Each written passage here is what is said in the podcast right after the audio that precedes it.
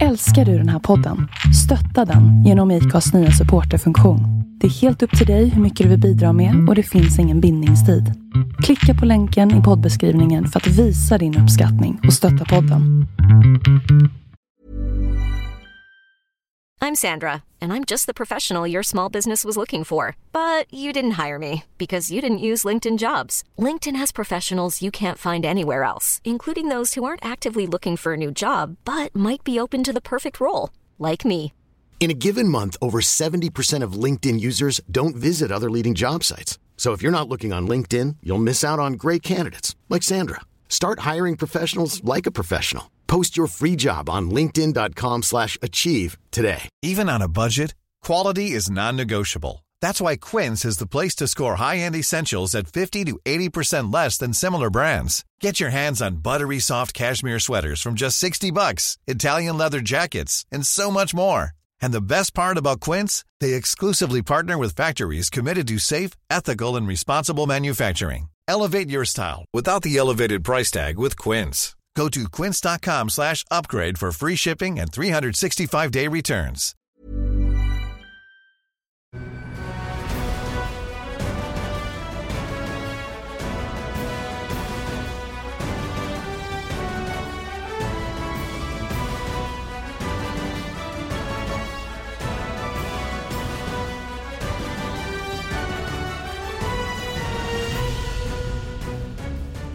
Välkomna till ett nytt avsnitt av MotoGP-podden med mig, Andreas Mårtensson och med...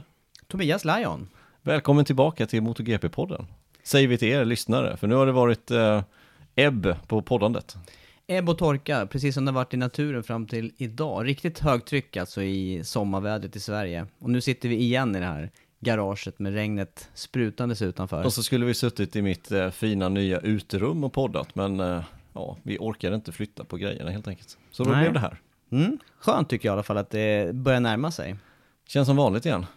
Jag tycker det. Det var roligt att eh, snacka lite hojminnen, snacka lite racing och allmänt inför det här. Och en annan sak också, Poddandet. på tvn rullade nu Formel 1. Formel 1, träning 3, snart är det kval. Jag fick en overklighetskänsla inför det här, eller inför den sändningen och tänkte att ja, nu är det på riktigt, nu börjar det röra på sig på allvar i samhället och framförallt då på motorarenorna. Vi har ju bytt namn också på eh, kanalen, den heter ju inte Mhm, motor, utan nu heter den ju V-sport motor. Vi får inte säga det här ordet längre, utan nu heter det ju V-sport motor. Och ny grafik och allt möjligt, så allting känns eh, väldigt nytt. Det ska bli spännande att sätta igång. Det är bara 10-12 dagar kvar, något liknande. Ja, det är lördag idag. Mm. Som sagt, träning 3 och kvalet går nog faktiskt just nu i Formel 1. Vi missade det. det är. Ja, Så inte bra, men Nej. de är igång i alla fall från Red Bull Ring. Mm. Eh, vad är det annars för känsla? Det var ett tag sedan vi satt eller stod och snackade så här. Det känns bra igen. Eh, Vi har försökt hitta ett datum vi har kunnat podda för nu, eller podda på nu ett tag, Jag har inte lyckats. Eh, Nu är det dags att köra igång podden på, på eh, helt tryck, fullt tryck och snart är det ju som sagt premiär. Det har vi sagt en gång innan i år, men nu, nu borde det bli premiär. Ja, vi har ju faktiskt haft en premiär innan i Moto 2 och i Moto 3. Det var riktigt, eh, det var bra race där, men det kändes lite rumpugget utan MotoGP. Det kändes ju det. Det känns som att nu vill vi se kungaklassen här, men det fick vi inte göra. Utan, eh, men som sagt, om två veckor så är det dags. Du, du uppmärksammar mig på en grej inför den här eh, inspelningen och det är att man numera kan supporta poddar. Eh, det var nytt för mig. I alla fall på det sättet.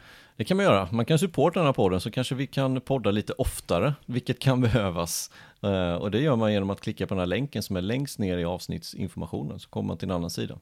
Där man kan man supporta oss. Mm. Du, har du haft någon skoj för idag sen senast?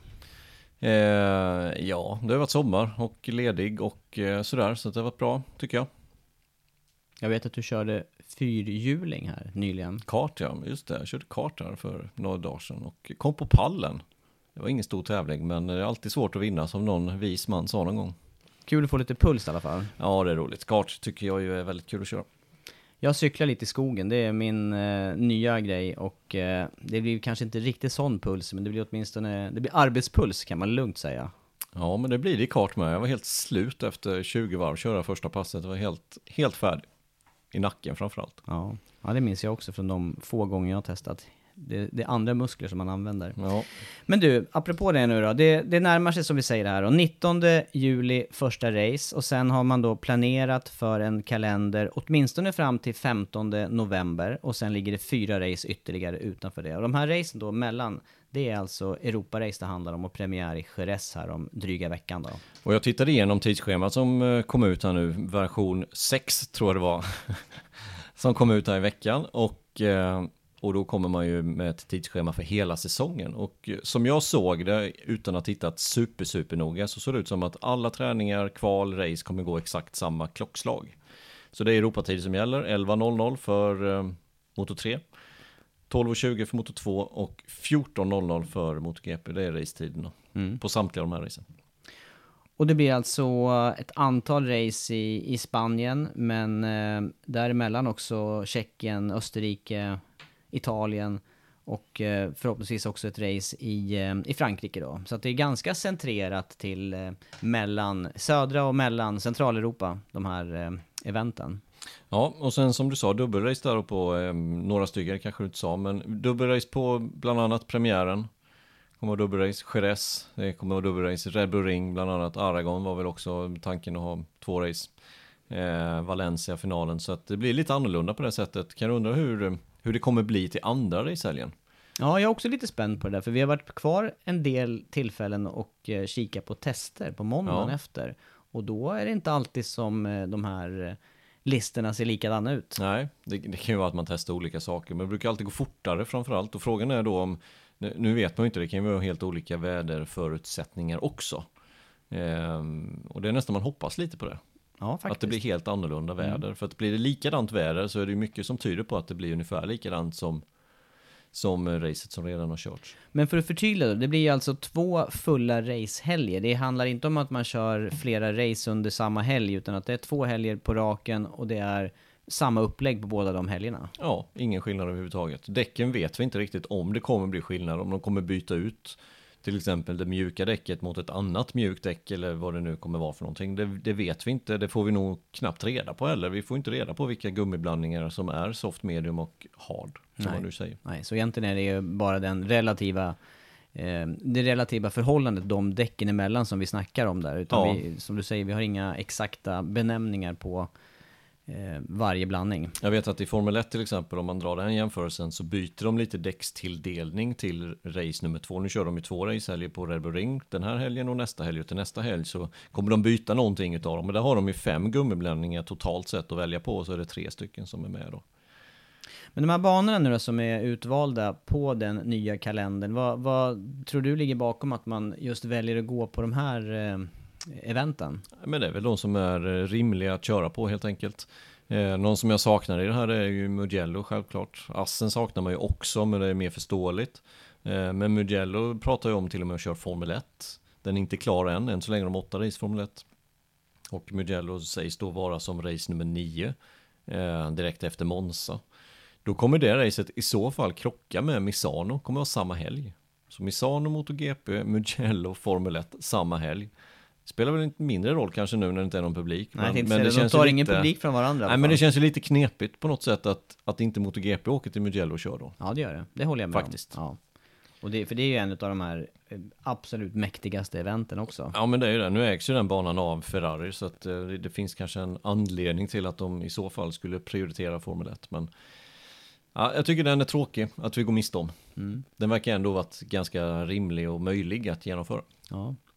Men nu när vi är inne på kalendern också då, det är eh, för att det här ska gå att genomföra så har man jobbat stenhårt här på att få fram ett protokoll eller ett eh, reglement reglemente att följa för förare och team inför de här racehelgerna. Och då handlar det om att man ska då testa sig fem dagar innan en racehelg och eh, man ska också självisolera sig inför det här eventet.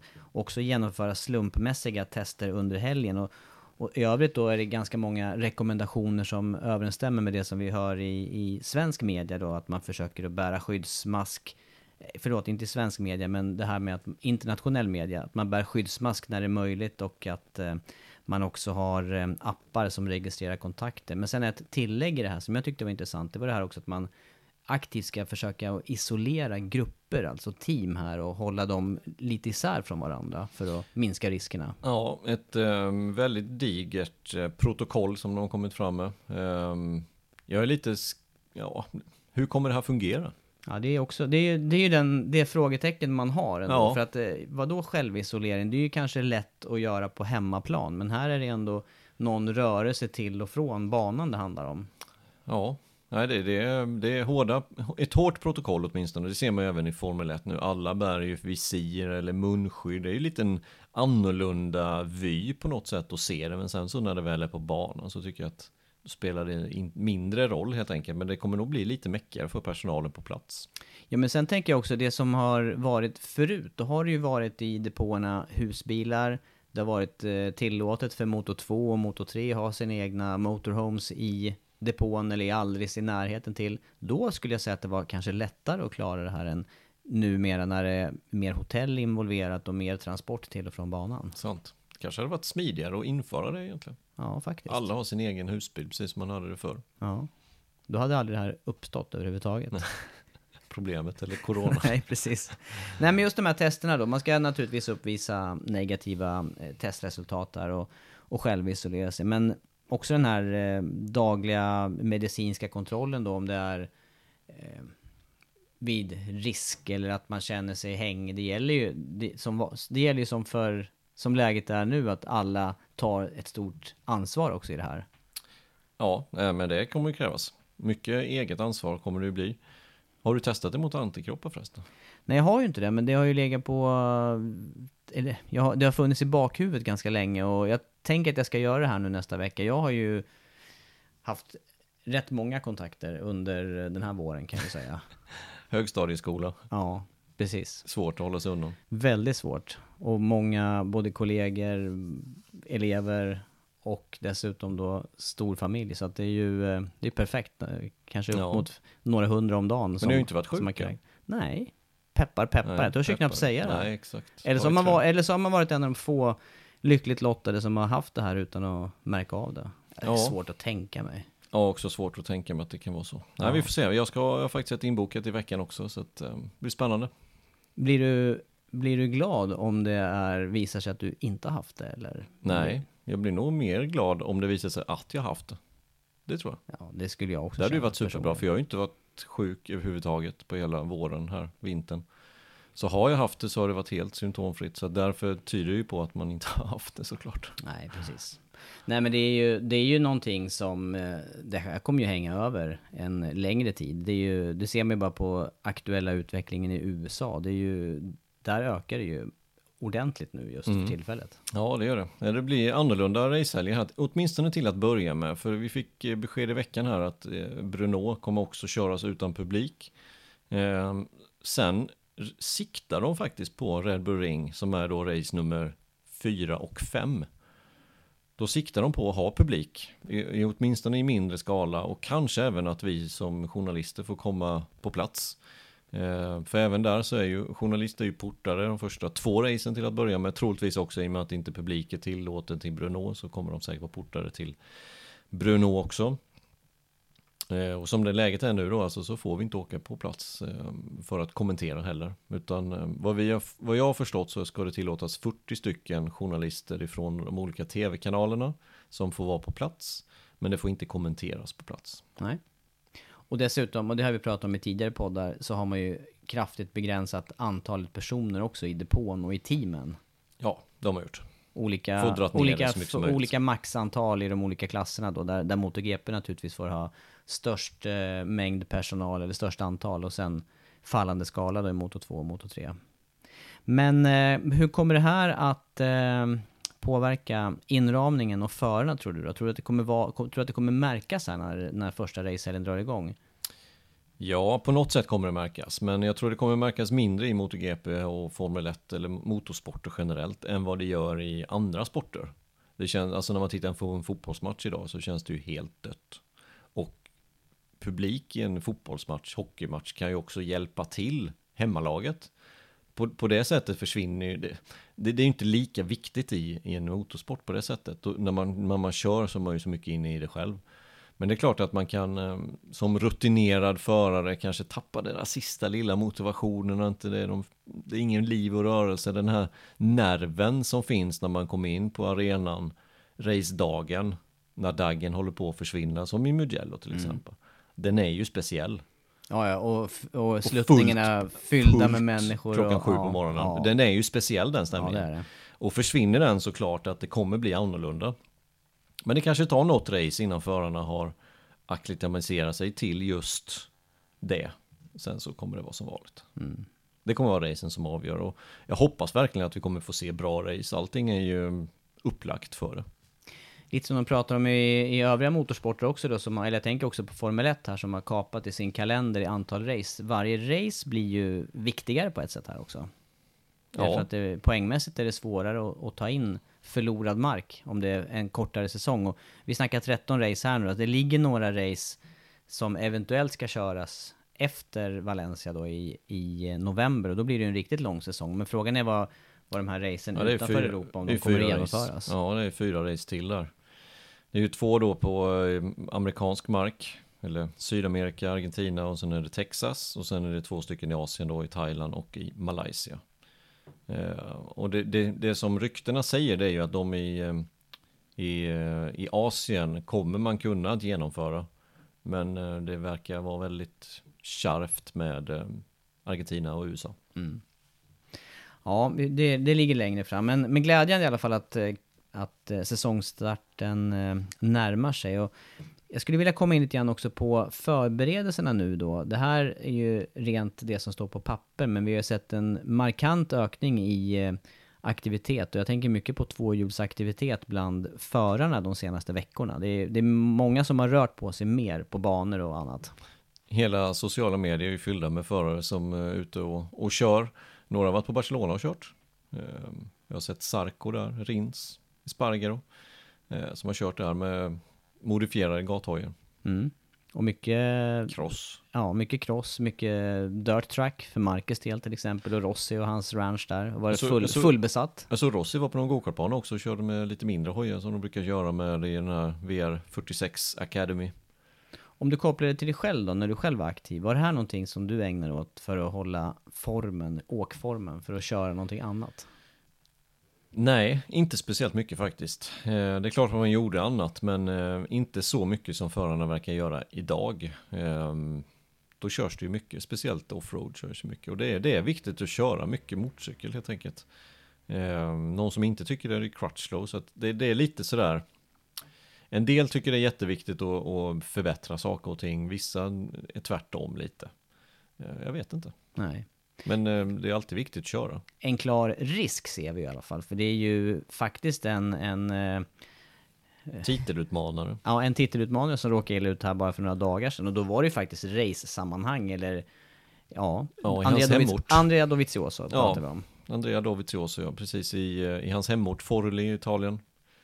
Ligger någonstans mellan Imola och Rimini tror jag, Mm. faktiskt. Någonstans där, precis i krokarna. I krokarna, det mesta är i krokarna där. Det där, Alla är, det där, är, det där är ja. ett område som är, det kryllar av, eh, av förarämnen i tydligen. Jag tror han, eh, jag tror han är bosatt i Forli, tror jag, och det var just en, en crosstävling där, nationell, jag vet inte om det var nationell, om det var bara regionen kanske. Vad heter den? Emilia Romagna.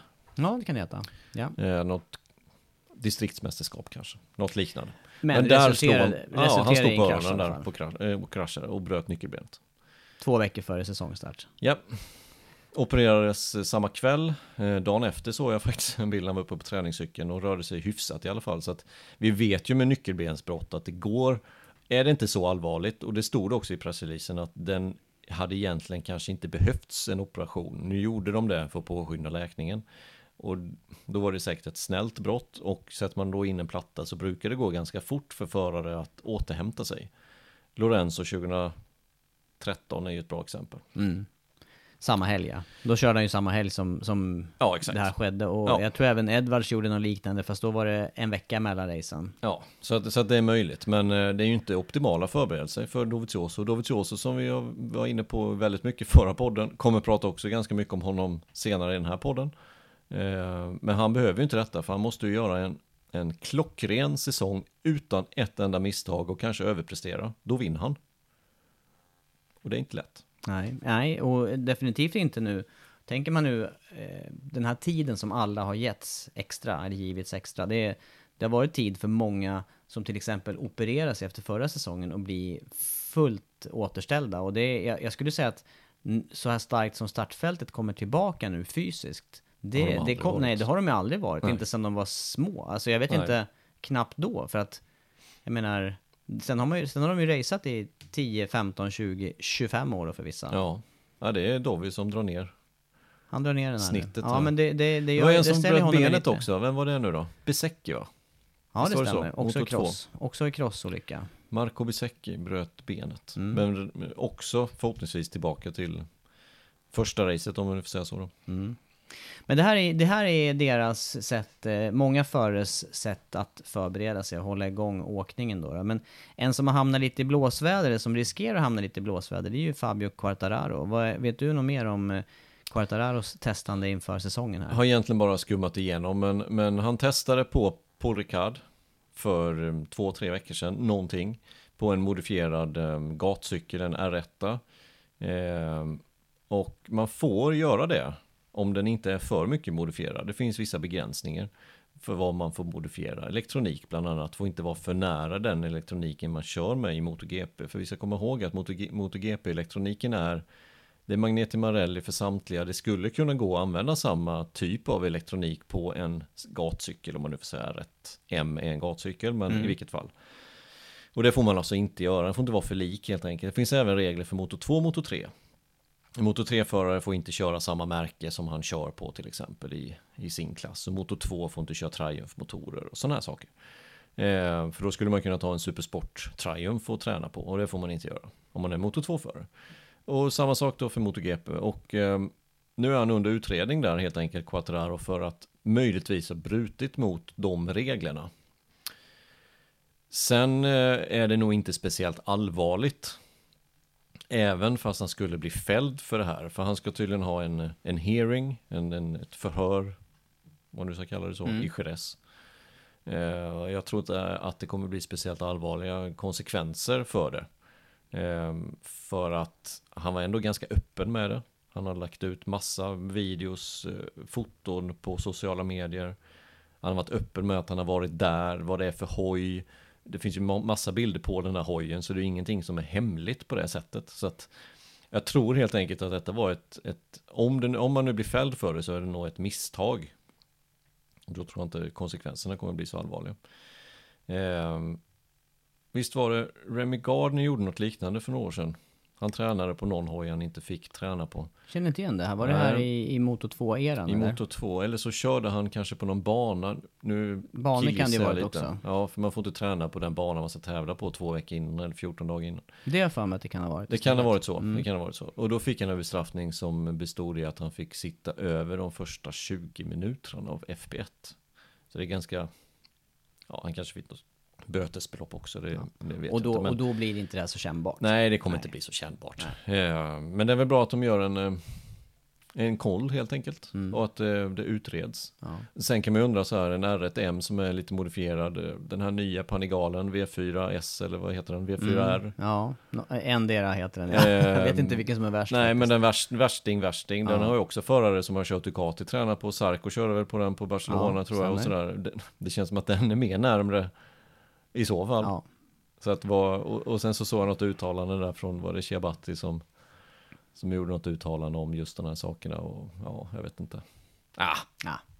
Nej, det är i alla fall inte som förr då när det var, det, det är ju kanske den stora skillnaden att man har verkligen krympt testverksamheten här mellan säsongerna. För förr var det ju i princip, ja, backar man 20-25 år sedan, då var det ju här fritt mer eller mindre. Då, Ja. då var det de, de som hade mest pengar testade ju kopiöst med rätt förare på, på rätt banor och allting. Så att ja. det, där, det där är ju någonting som har gjorts för att skära i budgeten. Men, men eh, ja, vi får hoppas i sammanhanget här att det inte blir för eh, hårda Nej, det, det var ju två förare var det. Och den ena som då läckte ut dem, som det är fortfarande inte bekräftat, utan detta är fortfarande rykten bland etablerad media, och det är att den ena är Quattararo. Eh, vem den andra är, ingen aning. Eh, Nej, jag har inte heller hört någonting där. Utan det är sånt vi kommer få avvakta och se.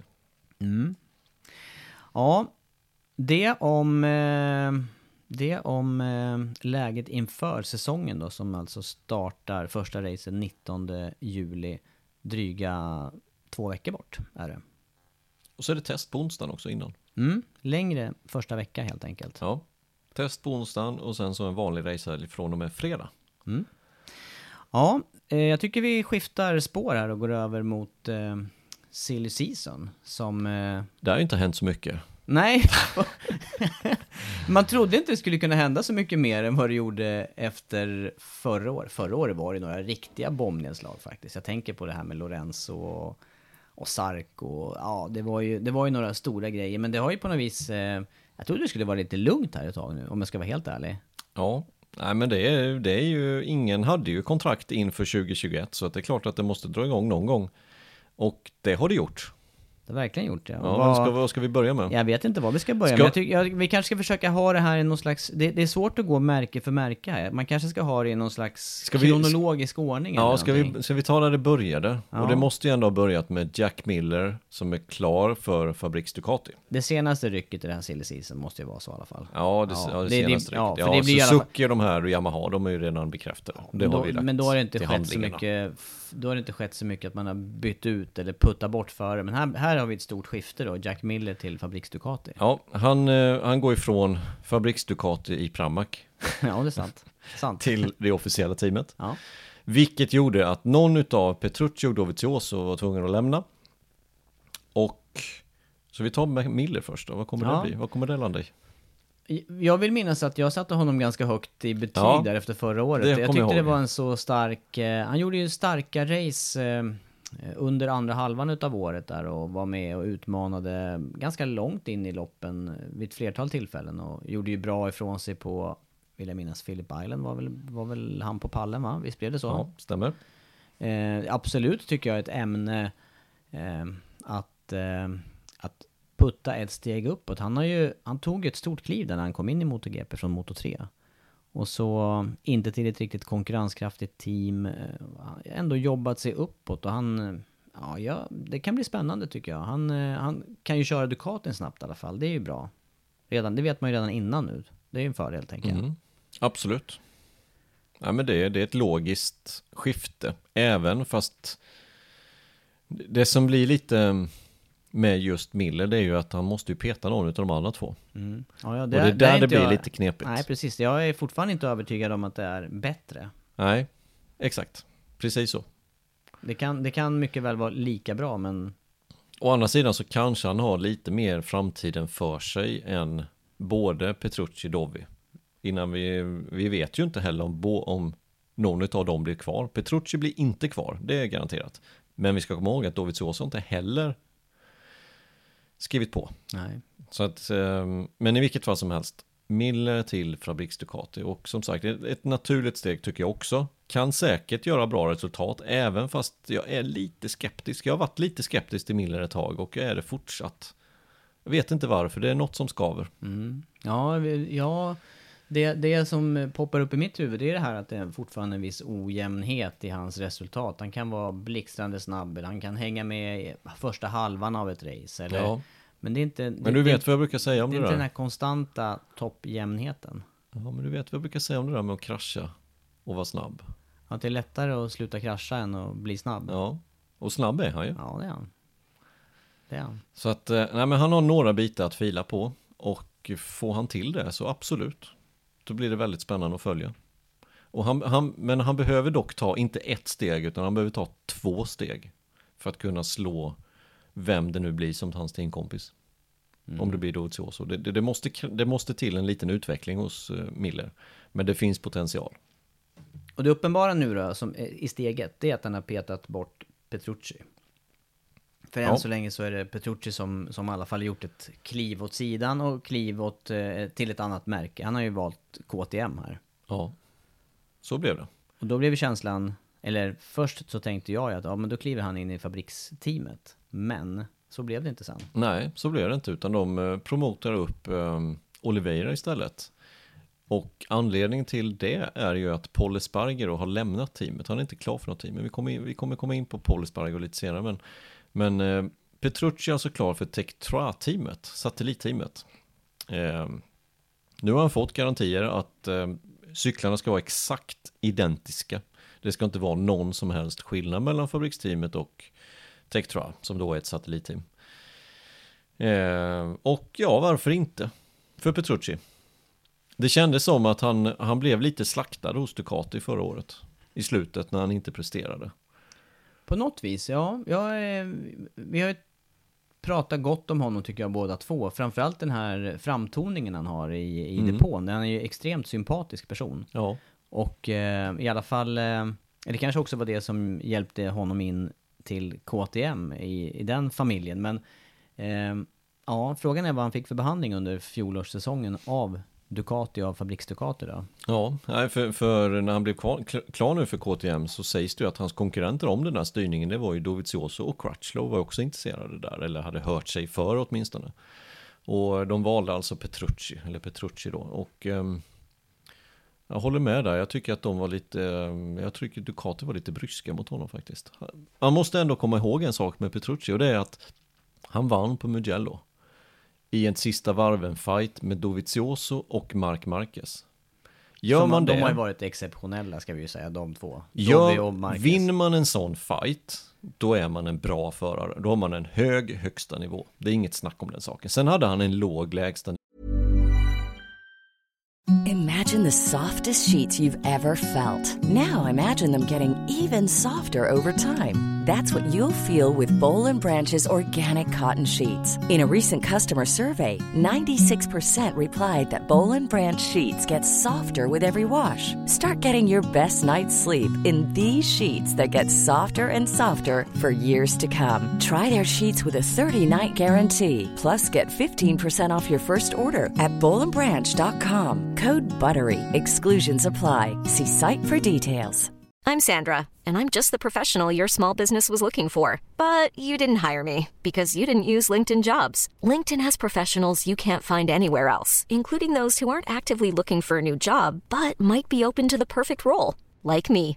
In a given month, over 70% of LinkedIn users don't visit other leading job sites. So if you're not looking on LinkedIn, you'll miss out on great candidates like Sandra. Start hiring professionals like a professional. Post your free job on linkedin.com/achieve slash achieve today. Hi, I'm Daniel, founder of Pretty Litter. Did you know cats tend to hide symptoms of sickness and pain? I learned this the hard way after losing my cat, Gingy. So I created Pretty Litter, a health monitoring litter that helps detect early signs of illness by changing colors, saving you money and potentially your cat's life. Pretty Litter is veterinarian developed, and it's the easiest way to keep tabs on your fur baby's health right at home. Go to prettylitter.com and use code ACAST for 20% off your first order and a free cat toy. Terms and conditions apply. See site for details.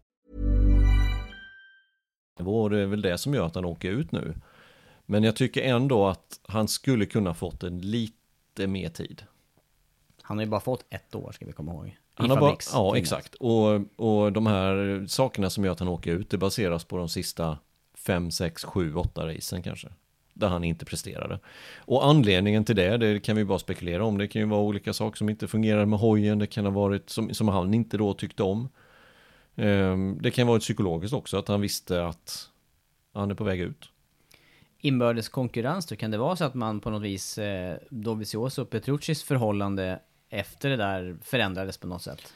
Så verkar det ju. Eh, Jag läste någon intervju med Petrucci där när han först bad om ursäkt för just den incidenten som jag pratade om. Första svängen, Mugello, han gick på insidan, tryckte till Dovi, hade Marquez på utsidan och Dovi fick ju slå av där och blev ju inte bättre än trea till slut.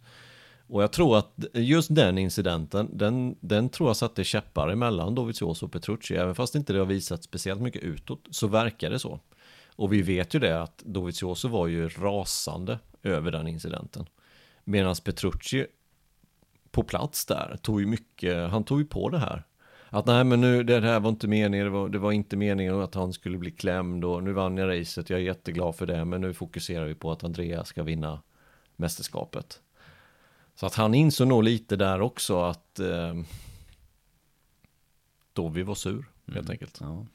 Och Men frågan hur, är... men hur skulle han agerat annorlunda Han skulle inte gjort någonting, han skulle gjort precis som han gjorde. Ja, men jag jag, också förstår det. ju också att, att det kan bli en sån där. Dovizioso och Petrucci har haft ett halvår, de har tränat tillsammans och du vet, Petrucci har fått mycket hjälp av Dovizioso. Dovizioso har dragit upp honom psykologiskt. Och sen så hände en sån här grej och, och det är klart att eh, Dovi kanske är lite långsynt på det där. Och eh, kan man säga då att, att han vann racet i Mugello gjorde att han inte fortsätter hos Ducati? Ja, kanske dra växlarna väl långt, men, eh, men åtminstone någonting. eh, Det var ju på något vis någon vändpunkt där. Ja, det var ju det. Så, som vi annars har sett många exempel på där det har gått åt andra hållet, att man då har fortsatt vinna eller fortsatt att och hålla sig i toppen där. Och Ducati ska vi ju framhålla också, de har ju inte varit sådär superduktiga i personalpolitiken här när det gäller förarna de senaste... Två decennierna. Nej, kanske så långt tillbaka. Det kanske är så. Ja, nej. De har, jag, de jag, har ju en jag historia tycker... av att och, och, och, skicka iväg förare lite hipp som happ, får Ja. man ju säga. Ja, jag tycker, det, jag tycker det var tråkigt att Petrucci nu lämnar. Ehm, jag tycker han förtjänade åtminstone ett år till hos Ducati. Ehm, jag tycker inte han har fått den chansen som han efter Mugello-racet är värd. Det tycker jag. Nej. Nej, det är Miller och eh, Petrucci där då. Eh, ska vi fortsätta med namn? För Vi, ska inte ta, en- vi tar Dovi sen eller? Ja, vi kan, ja, eller så... Vi, Dovi har ju inget kontrakt. Nej, han Dovi är, har han är kvar. kontrakt. Han hänger i luften. Ja, han har ett brutet nyckelben och inget kontrakt. Mm. Vill han vara kvar hos Ducati? Har något annat alternativ? Nej, det, de alternativen är ju få, för att inte säga Ja. noll, nu. Alltså sportsligt så ska han inte vara någon annanstans än, om man, ska, om man har tänkt att vinna, då ska han vara kvar hos Ducati.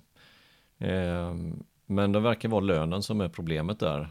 Eller rättare sagt, uppskattningen ifrån Ducatis sida till vad, vad Dovizioso tycker sig själv är värd. Där verkar vara den springande punkten.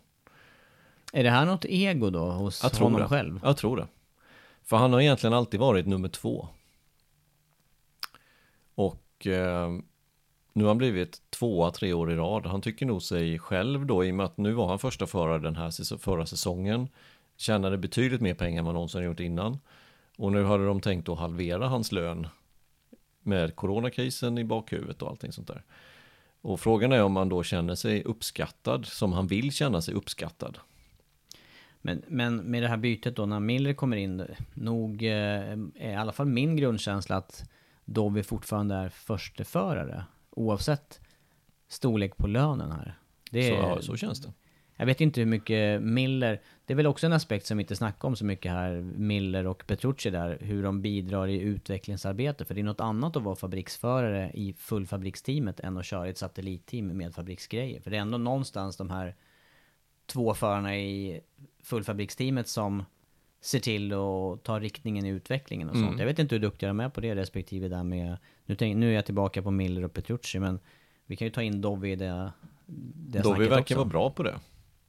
Ehm, och han efterfrågar ju hela tiden saker och ting som ska bli bättre med Ducati, men som inte riktigt sker. Nej, Nej, han har inte blivit lyssnad på riktigt. inte riktigt. Nej.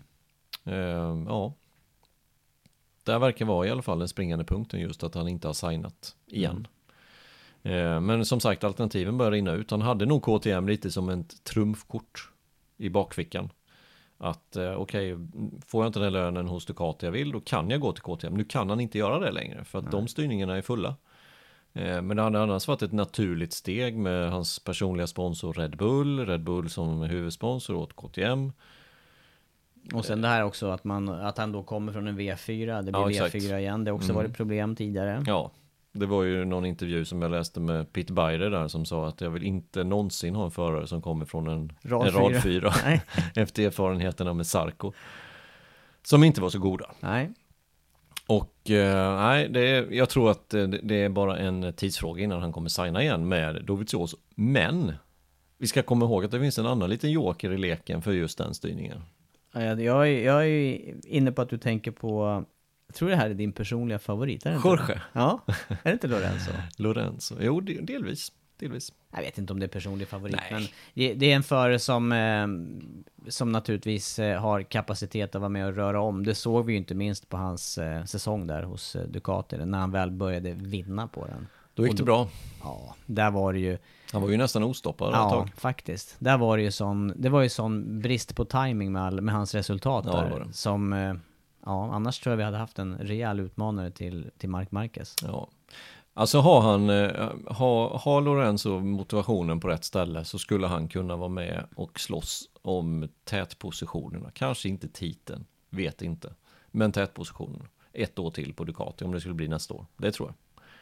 Den cykeln som är nu är inte så annorlunda mot den han körde, Nej, så att han nej. skulle snabbt Ja, finna han skulle sig till rätta där. Han skulle ruta. Ja. Men det krävs en helt annan motivation. Och frågan är hur Frågan är hur, han, hur motiverad han är för det.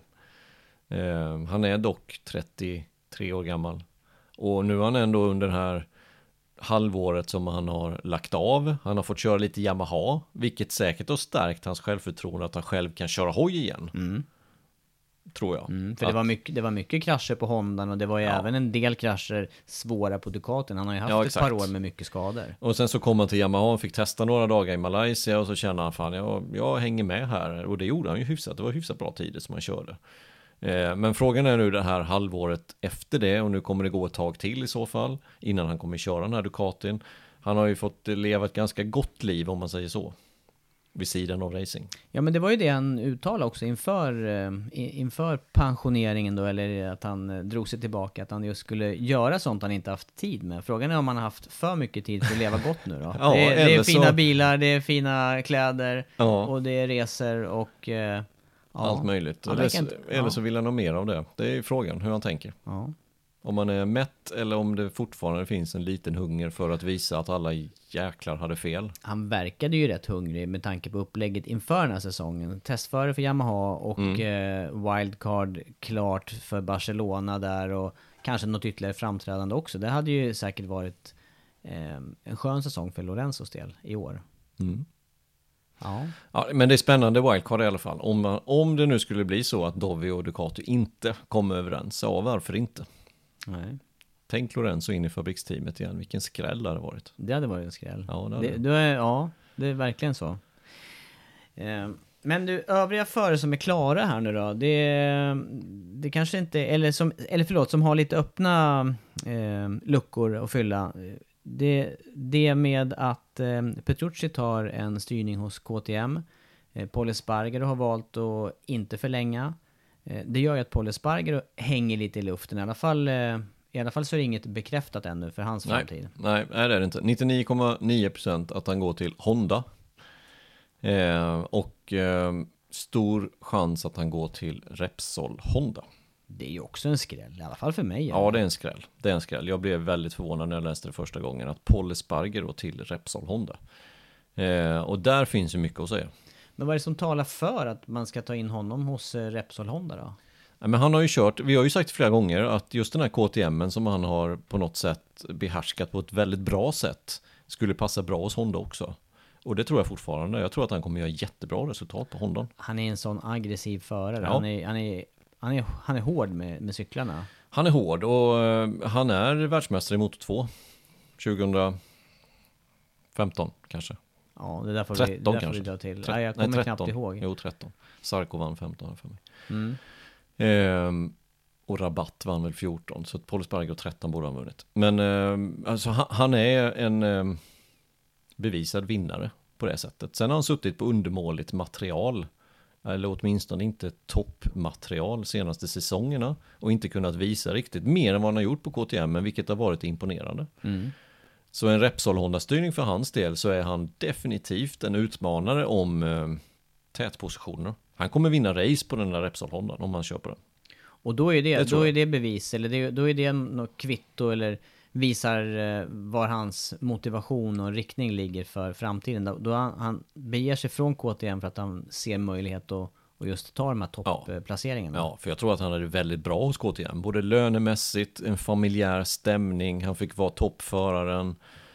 Eh, De gick mycket på hans input, han har byggt upp det här från början. Det är klart att eh, och, lämna det han hade där, det kan inte ha varit lätt. Och då måste det ha varit något riktigt, riktigt bra. Eh, och han sa det i en intervju för ett tag sedan läste jag att antingen, för att få mig, som han sa då, att lämna Red Bull KTM, det, då lämnar jag för Repsol Honda eller jag lämnar för Fabriks Ducati.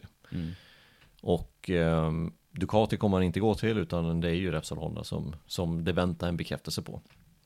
Jag läste också att anledningen till att vi inte har fått sett den här bekräftelsen Jag tror att det var antingen David Emmett eller Simon Pattison eh, Motor Mattis där på Emmet Någon utav dem De skrev att i hans kontrakt så får han inte tillkännage att han ska köra för en annat märke förrän i mitten på september. Aha. Det läste jag, att det är därför vi väntar på den bekräftelsen. Men eh, som sagt, vilken styrning tar han? Han tar inte Mark Marquez styrning, för han har ett nytt fyraårskontrakt. Nej, han tar ju Alex Marquez styrning som inte ens har fått chans att visa vad han kan. Och han är ju också, du nämnde det här om Polisbarger och världsmästare i Moto 2 och i Moto 3. Alex Marquez pratar jag om nu då. Ja, Eh, och så är det. det. blir ju jäkligt rumpugget för hans del och inte... Ja, han får, han får göra de här racen den här säsongen då, men, eh, men inte därefter i så fall. Nej, så säger ju ryktena att eh, Alex Marquez degraderas till LCR Honda med fabriksmaterial. Medan då Paul Espargaro går in och tar platsen jämte Mark Marquez i Repsol Honda. Och eh, ja, alltså hade man sett på den utvecklingen för ett tag sedan innan det var klart att Alex Marquez får gå upp i Repsol Honda. Då hade jag tyckt det var en väldigt bra lösning. Eh, nu fick vi in två bröder i Repsol Honda och eh, ja, hur, nöjd, hur nöjda blir de när han inte får den styrningen? Nej, det beror på vad man har snackat om innan tänker Ja, det jag. Det, det, det vet ju inte vi för att det kom ju också plötsligt, i alla fall utifrån sett. Det är klart att det, känslan var ju att Lorenzo inte skulle fortsätta åka med de där placeringarna hur länge som helst. Och sen då när han tillkännager att han lägger av. Men det var ju faktiskt mitt i en kontraktsperiod fortfarande Ja. för, för Lorenzos del. Det är klart att det här beslutet på Alex Marquez kom ganska snabbt och han kan ju mycket väl ha varit förberedd på att om du får ett år och sen eh, kommer du åka någonting annat sannolikt. Ja, och det, det är inte alls omöjligt att det var på det sättet. Eh, det finns ju många också som jag har läst mig till som tycker att Alex Marquez inte är värd den här styrningen i Repsol Honda. Det håller jag inte med om. Han är trots allt, precis som du sa, dubbel världsmästare. Eh, regerande världsmästare dessutom i Moto 2 så det är klart att han är värd en fabriksstyrning. I så fall skulle man ju kunna säga också att Mark Marquez inte var värd att köra i Repsol Honda när han kom in i MotoGP och han vann första året. Så att, nu säger jag inte att Alex Marquez är lika vass som Mark Marquez är. Absolut inte. Han har gjort sämre resultat på väg dit, men han är fortfarande värd att sitta där. Men det mycket väl kan vara så som du säger att Repsol Honda var ju lite pressade just i den situationen. Vem ska vi välja? Det fanns inte så många att välja på. Det var Crutchlow, det var Sarko, det var Alex Marquez och sen var det Bradel och så ja, Nakagami. Det var i princip de det fanns att välja på för Honda. Och där var ju du och jag eniga om att Alex Marquez var det valet som... Det kändes ju korrekt i det läget. För Ja, de andra förarna är både äldre och sannolikt på väg att dala i sin karriär medan Alex Marquez på något vis har fortsatt att arbeta sig uppåt hela tiden. Ja, det var ju helt naturligt. Helt naturligt steg att det blev eh, Alex Marquez och det kan mycket väl ha varit så att de har på något sätt förberett Alex Marquez i och med att det bara blev ett år också ska vi komma ihåg. Att det blir det här året, sen kommer du få åka i LCR och så tar vi in någon annan förare. Det, det kan mycket väl ha varit tankar redan från början, även fast hade det varit tanken från början så känns det som att då hade vi fått reda på det. Ja, för vad, vad lämnar det här annars då? Det här, det här, de här rokaderna, eller de här förflyttningarna då, eller, där man, eller hur man nu... Eh, det blir en dominoeffekt här på förare på de platserna som, eh, som det ska förändras kring då. I sista, vad, vad säger man, den som sitter med Svarte Petter här, då skulle ju kunna vara Crutchlow till exempel. Det är ju så det verkar, för Nakagami känns som att han, eh, ryktena säger att han är väldigt nära en förlängning med LCR. Eh, jämte då Alex Marquez i LCR, Paul Sparger och fabriksteamet med Mark Marquez. Och eh, det är ju någonting som Cecinello inte ville, utan han ville ha kvar Crutchlow. Eh, men Honda placerar helt enkelt Alex Marquez där istället för Crutchlow. Crutchlow kommer få flytta på sig i så fall. Eh, och i hans fall så finns det inte många det är Aprilia egentligen, men det kan vi komma in på lite senare. Men men det lämnar ju i så fall Cecinello kanske lite besviken, att han har blivit överkörd av Honda. Det lämnar Crutchlow besviken, det lämnar Mark Marquez kanske lite besviken. Alex Marquez, Alsamora och hela det teamet runt Mark Marquez och Alex Marquez också lite, Så vem, tar, vem har tagit det här beslutet då i så fall? nej det har väl Preach tagit. Ja, möjligt. Och han, han är ju inte den som inte kan gå emot någon annan, det har han ju bevisat tidigare i sin karriär. Och Cecinello ska vi säga, det är ju C i LCR, det är ju alltså Lucio Cecinello Racing som teamet heter. Han är ju teamägare. Ja, och före detta förare. Ja. Ja, det är... eh, Och det, frågan är ju hur, hur upprörd Mark Marcus blir. Det har ju gått massa rykten och massa artiklar som har skrivits om just detta. Att detta kan vara det som får Mark Marcus att tröttna på Honda helt enkelt. Men hur går det ihop då med att han precis har signat ett kontrakt på fyra, fem år med Repsol Honda? men han har ju ganska mycket pengar och har nog kapacitet att kunna bryta ett sånt kontrakt om det skulle väl ställas på sin spets. Men, men eh, det är ju, det är ju, ja, frågan är om han blir upprörd, Mark Marquez eller inte. Om Marquez-familjen och Alsamora blir irriterade över, över ett sånt här beslut. Och, och det man kan bli irriterad på egentligen, det är ju att inte Alex Marquez har fått visa vad han går för.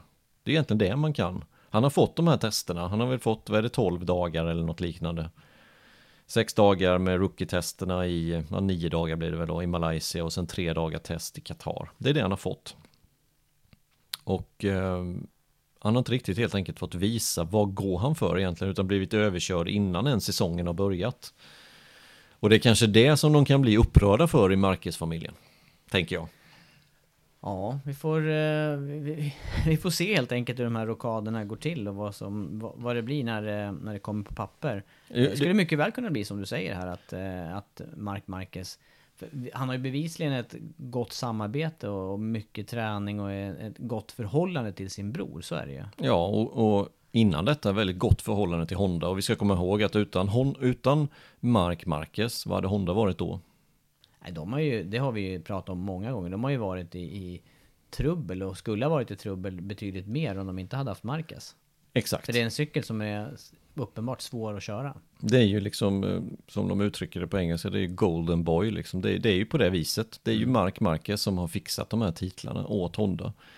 Ehm, och eh, ja, jag, jag tycker att David Emmett då på Motomatter, jag tycker han skrev en bra artikel över detta. Han var inne på just de här sakerna ifrån, många som har varit inne på samma sak, att vad händer med Marquez motivation och vad händer med hans förhållande till Honda och, och i alla fall, nu säger jag bara vad, vad Motomatter skrev där, eller David skrev, han drog ju upp då, vad är det som har fått toppförarna senaste två decennierna att lämna sina lämna deras märken helt enkelt. Och så listade han först då med, med Rossi och Honda efter säsongerna 01, 02, 03 när han tog sina titlar.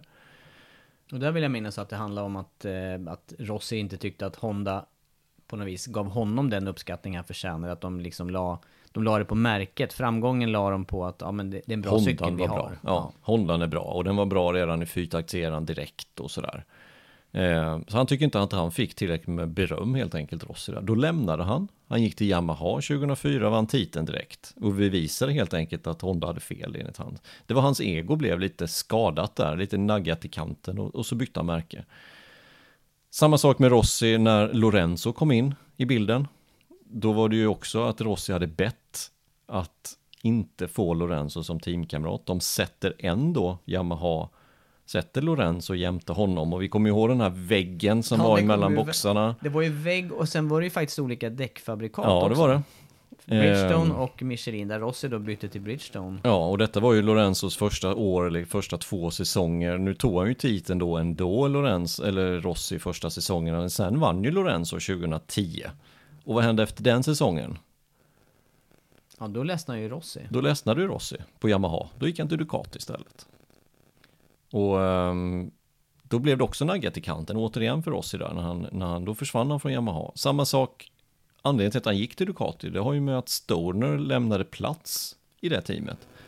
Och där trodde ju inte Ducati och Philip Morris på Stoners Ja, Visst hade han någon Ja, sjukdomsproblematik här- där? laktosintoleransen Mm. som de må- inte han- trodde på. nej, då då kom det en schism däremellan mellan Ducati och Stoner. Stoner lämnade för Honda. Vann titeln på Honda första året. Och bevisade för Ducati att de gjorde fel. Och sen har vi den berömda säsongen 2015 då när Lorenzo vann. Rossi som team, tillbaka igen då som teamkamrat. De två slog som titeln. Och Lorenzo vann ju till slut då efter den här, eh, ja, Marquez, eh, Rossi-incidenten i Sepang och sen så finalen då. Och då blev det ju inget firande och och Lorenzo var ju ganska sned efter det för att han, ja, Yamaha ställde in allt firande efter den säsongen. Eh, I och med den här schismen som blev och det var ju även hårda ord mellan Lorenzo och Rossi där ett tag men framförallt mellan Rossi, Lorenzo och eller mellan Rossi och, och Marquez. Eh, och Rossi anklagade Marquez och Lorenzo för samarbete och så vidare och så vidare. Och, och där tyckte ju Lorenzo att Yamaha tog Rossis mer parti åtminstone. Och vad hände då? Jo, Lorenzo lämnar för Ducati. Och de, de förare du och vi pratar om här, det är ju de förarna som har vunnit titlar de senaste 20 åren. Vi har ju egentligen bara ett namn som saknas här och han är ju tyvärr inte med oss längre heller. Nej, det är Nicka Hayden. I övrigt har vi alla namn här, inklusive Marcus, här, så har vi alla de som har vunnit titlar, alltså precis som du säger, senaste 20 åren, från 2001 och framåt. Och inga andra namn. Inga andra namn. Nej. Så Men då är frågan... Rossi har blivit kränkt, Lorenzo har blivit kränkt, Stoner har blivit kränkt och Marquez, Frågetecken. frågetecken. Mm. Och alla de andra tre jag nämnde har lämnat. Och den ena har lämnat två gånger, Rossi.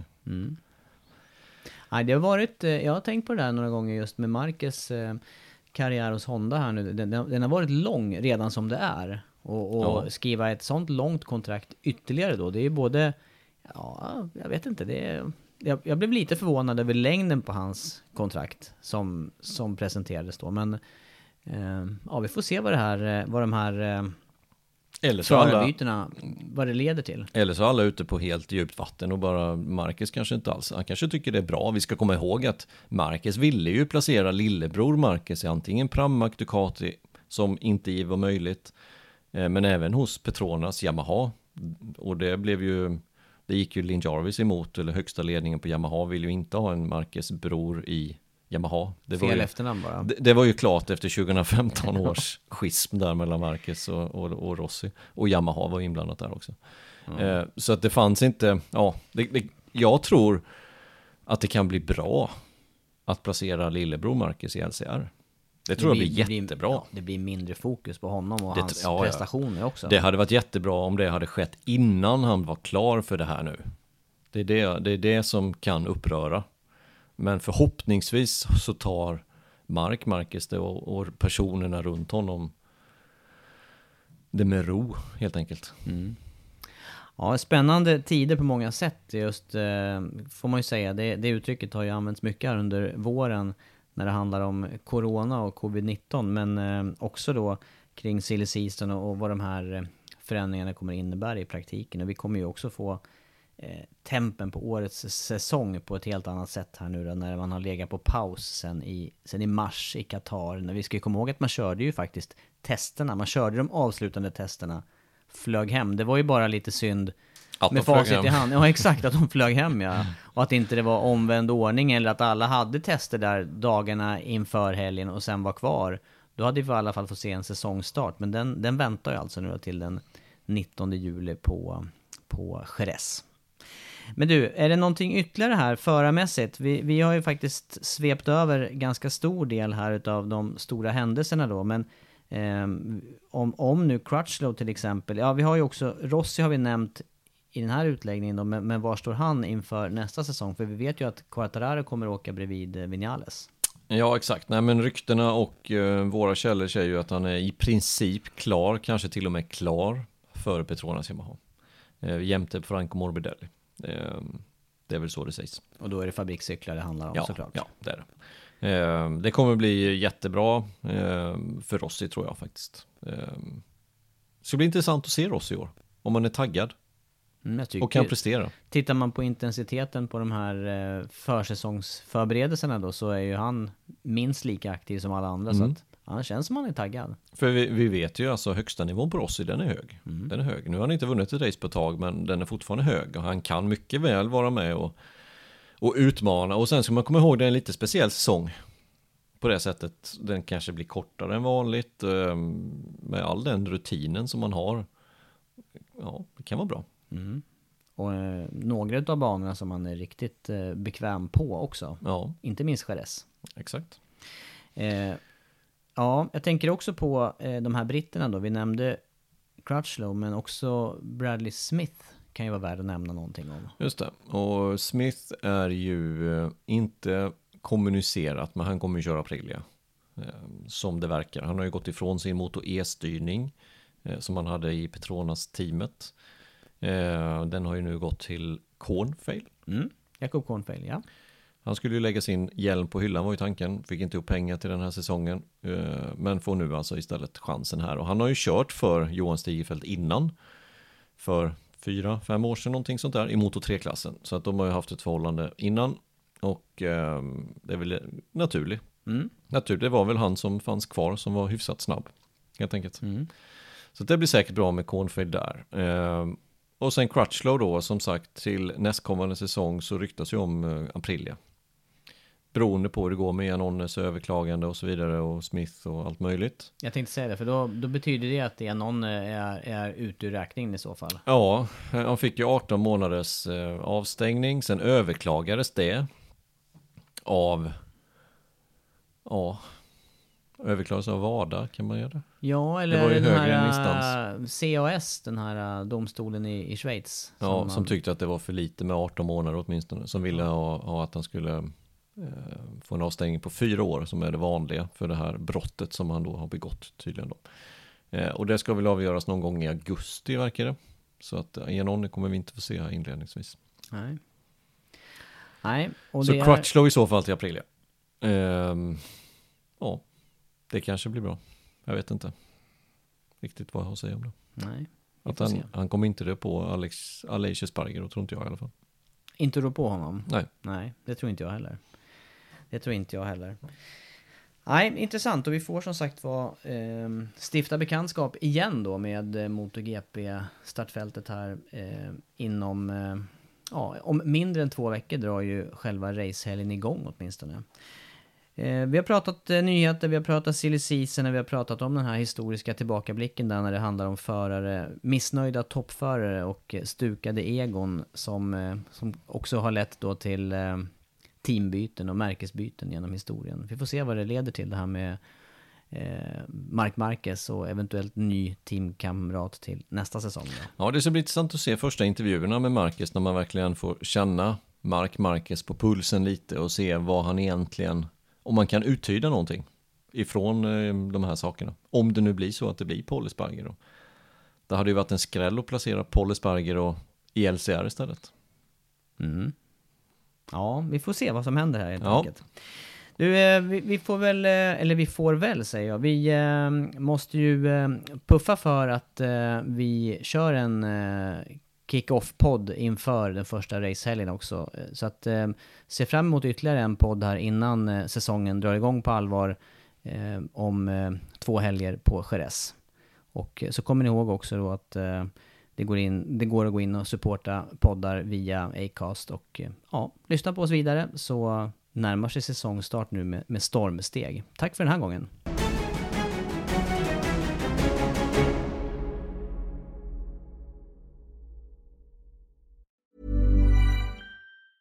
Hey, it's Danny Pellegrino from Everything Iconic.